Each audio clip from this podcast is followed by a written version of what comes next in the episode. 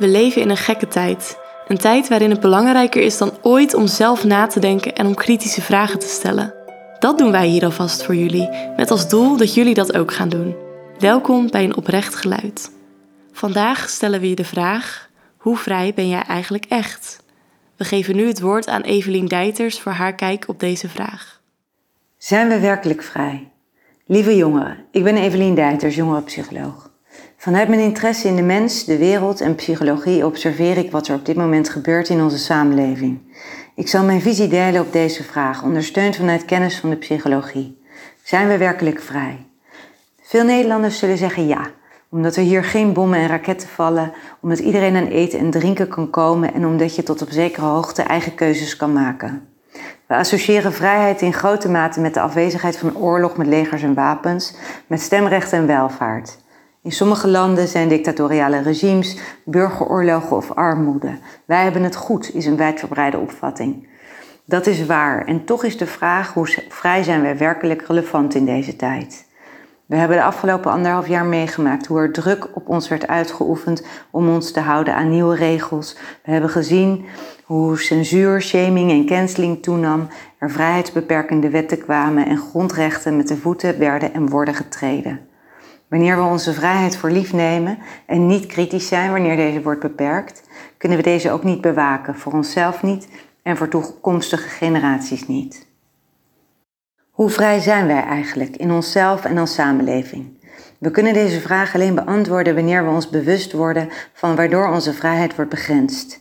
Zoals een vogel in een kooi zich misschien vrij waant binnen de kleine ruimte van zijn kooi, omdat het niet weet hoe het is om zijn vleugels uit te spreiden en door de lucht te vliegen en werkelijk vrij te zijn, kun je ook niet weten hoe vrij je werkelijk bent als je de begrenzingen van je vrijheid niet kent. Ik zie gebrek aan bewustzijn en besef van onze eigen kracht, angst en gemakzucht als de belangrijkste factoren die onze vrijheid beperken. Allereerst over bewustzijn. Vanuit de psychologie weten we dat we als mensen een groot onbewust deel hebben van ongeveer 90% en een kleiner bewust deel, 10%. Zeg maar een ijsberg waarbij het topje het bewuste deel zichtbaar is. Veel van ons gevoel, denken en handelen komt echter vanuit het onbewuste deel. Dat gaat als het ware automatisch. Daarin zijn we nog niet helemaal vrij. En veel daarvan komt niet zozeer vanuit onze eigen natuurlijke kern, maar is aangeleerd, geprogrammeerd en geconditioneerd. Voorbeelden van zulke programmeringen zijn: alleen met een diploma heb je kans van slagen in deze wereld. Of als je ziek bent moet je medicijn nemen om beter te worden. Programmeringen zijn niet per se waar, maar omdat ze zo vaak herhaald zijn en soms zo vanzelfsprekend in onze maatschappij ingebakken zitten, nemen we ze vaak voor waar aan. De dingen die je in je jeugd leert, laten een diepe imprint achter voor de rest van je leven. Door onze ouders, omgeving, het onderwijs en de media zijn we van jongs af aan geconditioneerd en geprogrammeerd. Als deze programma's en conditioneringen echter niet kloppen met wie we werkelijk zijn, bouwen we spanning op. Een voorbeeld hiervan is burn-out. Wanneer jongeren een burn-out krijgen, is dat vaak omdat ze ergens onbewust een programma hebben aangenomen dat niet strookt met hun eigen kern. Bijvoorbeeld het programma Ik ben niet goed genoeg. In onze competitieve samenleving is dit een die veel mensen ergens op een gebied wel over zichzelf geloven, bewust of onbewust. Ze gaan heel hard werken om het tegendeel te bewijzen, of doen iets dat niet echt per se bij hen past, maar wat door ouders, vrienden of vanuit maatschappelijk oogpunt een goed idee lijkt. Als je te lang te veel druk op jezelf uitoefent en dingen doet die jou niet echt vervulling geven, kun je een burn-out krijgen. Je systeem stopt ermee en je wordt weliswaar op een pijnlijke manier uitgenodigd om je bewust te worden van de dysfunctionele patronen die jou in een burn-out hebben gebracht. Je krijgt de kans om vanuit daar nieuwe versterkende overtuigingen aan te nemen en keuzes te maken die meer bij je passen. Hoe meer je je onbewuste deel bewust maakt en je ontdoet van beperkende programmeringen, hoe vrijer je wordt. Veel van ons denken, handelen en voelen is dus geprogrammeerd en geconditioneerd door structuren van buitenaf. En dit is al eeuwen aan de hand. Heel lang heeft de kerk hier een grote rol in gespeeld. De dominee of priester zei wat je moest doen en uit angst om naar de hel te gaan gedroegen mensen zich naar wat hen van hogerhand gezegd werd. Die machtsstructuur is grotendeels verdwenen uit onze maatschappij, doordat mensen zich wilden bevrijden hiervan en de regie meer in eigen hand wilden nemen. Maar soms lijkt het alsof deze nu is vervangen door wetenschap, experts en media. Je hoort het soms letterlijk. Ik geloof in de wetenschap. Of het staat in de krant, dus het zal wel waar zijn. Of ik ben geen expert, dus ik heb er geen mening over. We geven daarbij veel macht aan deze externe bronnen. Waarom vertrouwen we zoveel op externe bronnen en gaan we minder snel bij onszelf te raden? Daarbij speelt ons onderwijssysteem een grote rol. Vanaf dat ze naar school gaan, wordt van kinderen verwacht dat ze kennis van buitenaf uit boeken en van leerkrachten aannemen, volgens een vast programma. En hoe beter je die kennis kan reproduceren, hoe hoger je beloning. Je leert nauwelijks over de enorme innerlijke technologie waarover je zelf beschikt. Over je eigen innerlijk weten, je intuïtie, de wijsheid van je hart en je immuunsysteem en de intelligentie van je lichaam. Dus we worden ook in hoge mate getraind en geprogrammeerd om te denken, leren en doen wat van ons wordt gevraagd in plaats van op onszelf te vertrouwen. En natuurlijk kunnen boeken, leraren, wetenschappers en media waarde en waardevolle dingen presenteren. Maar als we niet ook zelf kritisch denken, vragen stellen en durven te vertrouwen op onszelf, zijn we beïnvloedbaar en manipuleerbaar. Er is niet één waarheid, één mening, één verhaal, één oplossing. Er zijn evenveel perspectieven als er mensen op aarde zijn. Iedereen bekijkt de dingen vanuit zijn eigen oogpunt en juist de diversiteit aan perspectieven is waardevol. Malcolm Gladwell beschrijft in zijn boek The Wisdom of Crowds dat hoe meer verschillende visies en ideeën worden meegenomen in het zoeken naar oplossingen voor een probleem, hoe beter de oplossingen worden. Mensen zijn geen robots. Juist de uniekheid en diversiteit is wat mensen zo interessant, kleurrijk en mooi maakt.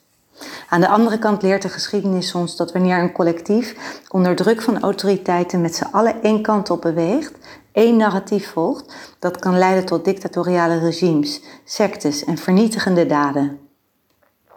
Als mensen zijn we goed van vertrouwen, maar we weten ook dat macht niet vrij is van misbruik en corruptie. En we zouden er goed aan doen om niet naïef en blind te vertrouwen op leiders, experts, goeroes of wie dan ook, maar kritisch te blijven en in eerste plaats te vertrouwen op onszelf. Anders geven we onze autoriteit en onze vrijheid weg. En toch zien we nu de druk op de mensheid om collectief eenzelfde kant op te bewegen. Om zich collectief te houden aan dezelfde regels en dezelfde en enige oplossing uit deze crisis te accepteren, namelijk inenting. Hoe kan dit gebeuren? Vanuit de psychologie zijn daar een paar verklaringen voor. Ten eerste zijn wij sociale wezens en hebben we behoefte aan verbinding. Met de slogan Alleen samen krijgen we corona onder controle is een appel gedaan op onze solidariteit en die is heel zichtbaar geworden. Vanuit onze aangeboren verlangen om er voor elkaar te zijn en ook om een goed mens te zijn, zijn en worden er echter ook grote offers gebracht. Want collectieve solidariteit met het een gaat altijd ten koste van iets anders. Als we allemaal solidair met elkaar zijn vanuit over en weer geprojecteerde angst, waar we elkaar voor verantwoordelijk houden, houden we elkaar gegijzeld in een onvrije maatschappij. Als we vrij willen zijn als samenleving, zullen we meer verantwoordelijkheid moeten nemen over onze eigen gezondheid en ons eigen welzijn en meer geloven in onze eigen kracht als mensen. Als we meer verbinding willen voelen als samenleving, hoeven we die niet te vinden in de angst voor of strijd tegen een gezamenlijke vijand. Die verbinding is onze natuurlijke staat. We zijn allemaal verbonden met elkaar en met alle leven om ons heen. En die verbinding kunnen we allemaal voelen in ons lichaam via ons hart. We moeten ons alleen niet laten afleiden door de onnatuurlijke programmeringen van verdeeldheid die in onze maatschappij leven, door ras, seksen, gender, klasse, religie, etc. Ten tweede, vanuit diezelfde sociale inslag zijn we ook gevoelig voor groepsdruk. Als mens hebben we twee behoeftes die soms op gespannen voet met elkaar staan. De een is de behoefte aan autonomie, dat wil zeggen jezelf zijn. Je, je leven inrichten op jouw manier en je eigen keuzes maken. Kortom, leven volgens jouw waarheid. De andere is de behoefte aan acceptatie van de groep. Want mensen zijn sociale wezens die elkaar nodig hebben. We zien op dit moment in onze maatschappij hoe sterk die groepsdruk is. Wederom de slogan alleen samen krijgen we corona onder controle, heeft deze groepsdruk in gang gezet en het censureren en cancelen van mensen die een ander geluid lieten horen, heeft de angst om buiten de groep te vallen vergroot. Naar groepsdruk zijn interessante psychologische experimenten gedaan, onder andere de ASH-experimenten. Mensen moesten naar verschillende lijntjes kijken en beoordelen welke even lang waren. Voor het blote oog was het heel duidelijk dat sommige lijntjes niet even lang waren. Telkens kregen zes rolspelers echter de opdracht om te zeggen dat de lijntjes even lang waren. En wat bleek, de zevende persoon, de proefpersoon, zei in een derde van de gevallen dat de lijntjes even lang waren. En later zeiden die proefpersonen dat ze twijfelden over hun eigen perceptie en druk voelden om hetzelfde te zeggen als hun voorgangers. Uit veel meer sociaal-psychologische experimenten blijkt dat groepsdruk en de neiging tot conformisme onder mensen heel sterk aanwezig is. Maar conformisme aan dingen die niet stroken met wat jij van binnen vindt of voelt, of jezelf verlogenen om maar te worden geaccepteerd, heeft ook een prijs. Het levert stress op, gaat ten koste van je eigen autonomie en je vrijheid. Er is moed voor nodig om je eigen keuzes te maken, ook als die niet volgens de huidige trend of heersende opinie zijn. Maar autonomie levert je ook veel op. Wanneer je jouw denkbeelden, gevoel en gedrag helemaal in overeenstemming hebt gebracht met jouw eigen waarheid, zelfvertrouwen hebt en je niet meer laat leiden door angst, ben je enorm krachtig, vrij en onafhankelijk. Ten slotte twee belangrijke dingen die vrijheid in onszelf begrenzen: angst en gemakzucht. Wanneer we angst in onszelf aantreffen, of het nou is om ziek te worden, om afgewezen te worden, om te stoppen met een relatie, opleiding of werk dat niet meer past. Het antwoord op angst is nooit om je daardoor te laten leiden, te wachten op een redder buiten jezelf of anderen verantwoordelijk te houden. Dit zul je altijd bekopen met een deel van je vrijheid. Als jij bang bent voor spinnen, kun je niet eisen dat alle spinnen worden opgesloten. Je zult je eigen angst moeten overwinnen. Het duurzame antwoord op angst is weerbaarheid, empowerment. Ook te veel gemakzucht en de hang naar comfort gaat ten koste van vrijheid. Een voorbeeld. Als je een fysieke kwaal hebt en je grijpt als eerste naar medicatie in plaats van je af te vragen wat de oorzaak is van deze kwaal of hoe je hem op eigen kracht kan verhelpen, raak je afhankelijk van medicatie in plaats van jezelf sterk te maken. Of als je leegte of verveling voelt en je altijd wendt tot Netflix of drugs, word je ervan afhankelijk in plaats van dat je leert om je leegte vanuit jezelf op te vullen. Gemakzucht kun je in balans brengen door meer verantwoordelijkheid te nemen en je eigen kracht te gebruiken. Dat maakt je minder afhankelijk en dus meer vrij.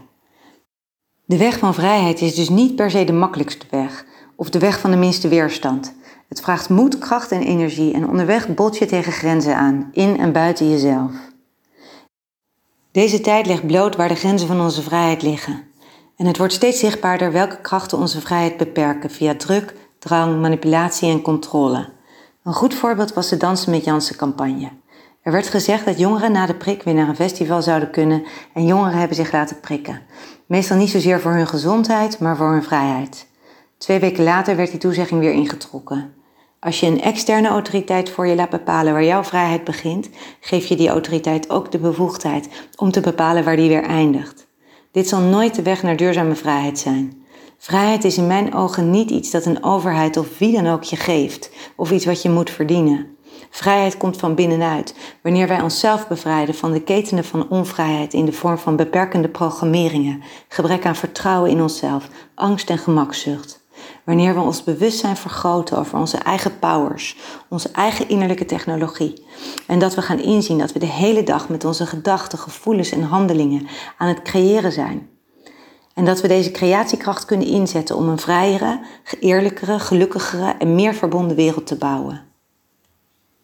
Ik geloof ook door mijn werk met jongeren dat jongeren een belangrijke rol spelen om onze collectieve evolutie naar een next level te brengen. Want jullie zijn beter dan welke generatie dan ook toegerust voor de wereld van morgen. Veel van jullie hebben al een ruimer bewustzijn. Veel van jullie zijn al vrijer en autonomer dan generaties voor jullie. Er zijn bijvoorbeeld nog nooit zoveel zelfstandigen en ondernemers geweest als in deze jongere generatie. En veel jongeren kiezen niet zozeer voor materiële zekerheid binnen hiërarchische structuren, maar voor werk wat hun vervulling en plezier geeft binnen samenwerkingsverbanden. Ik wil tegen je zeggen, dit is een bijzondere tijd om in te leven.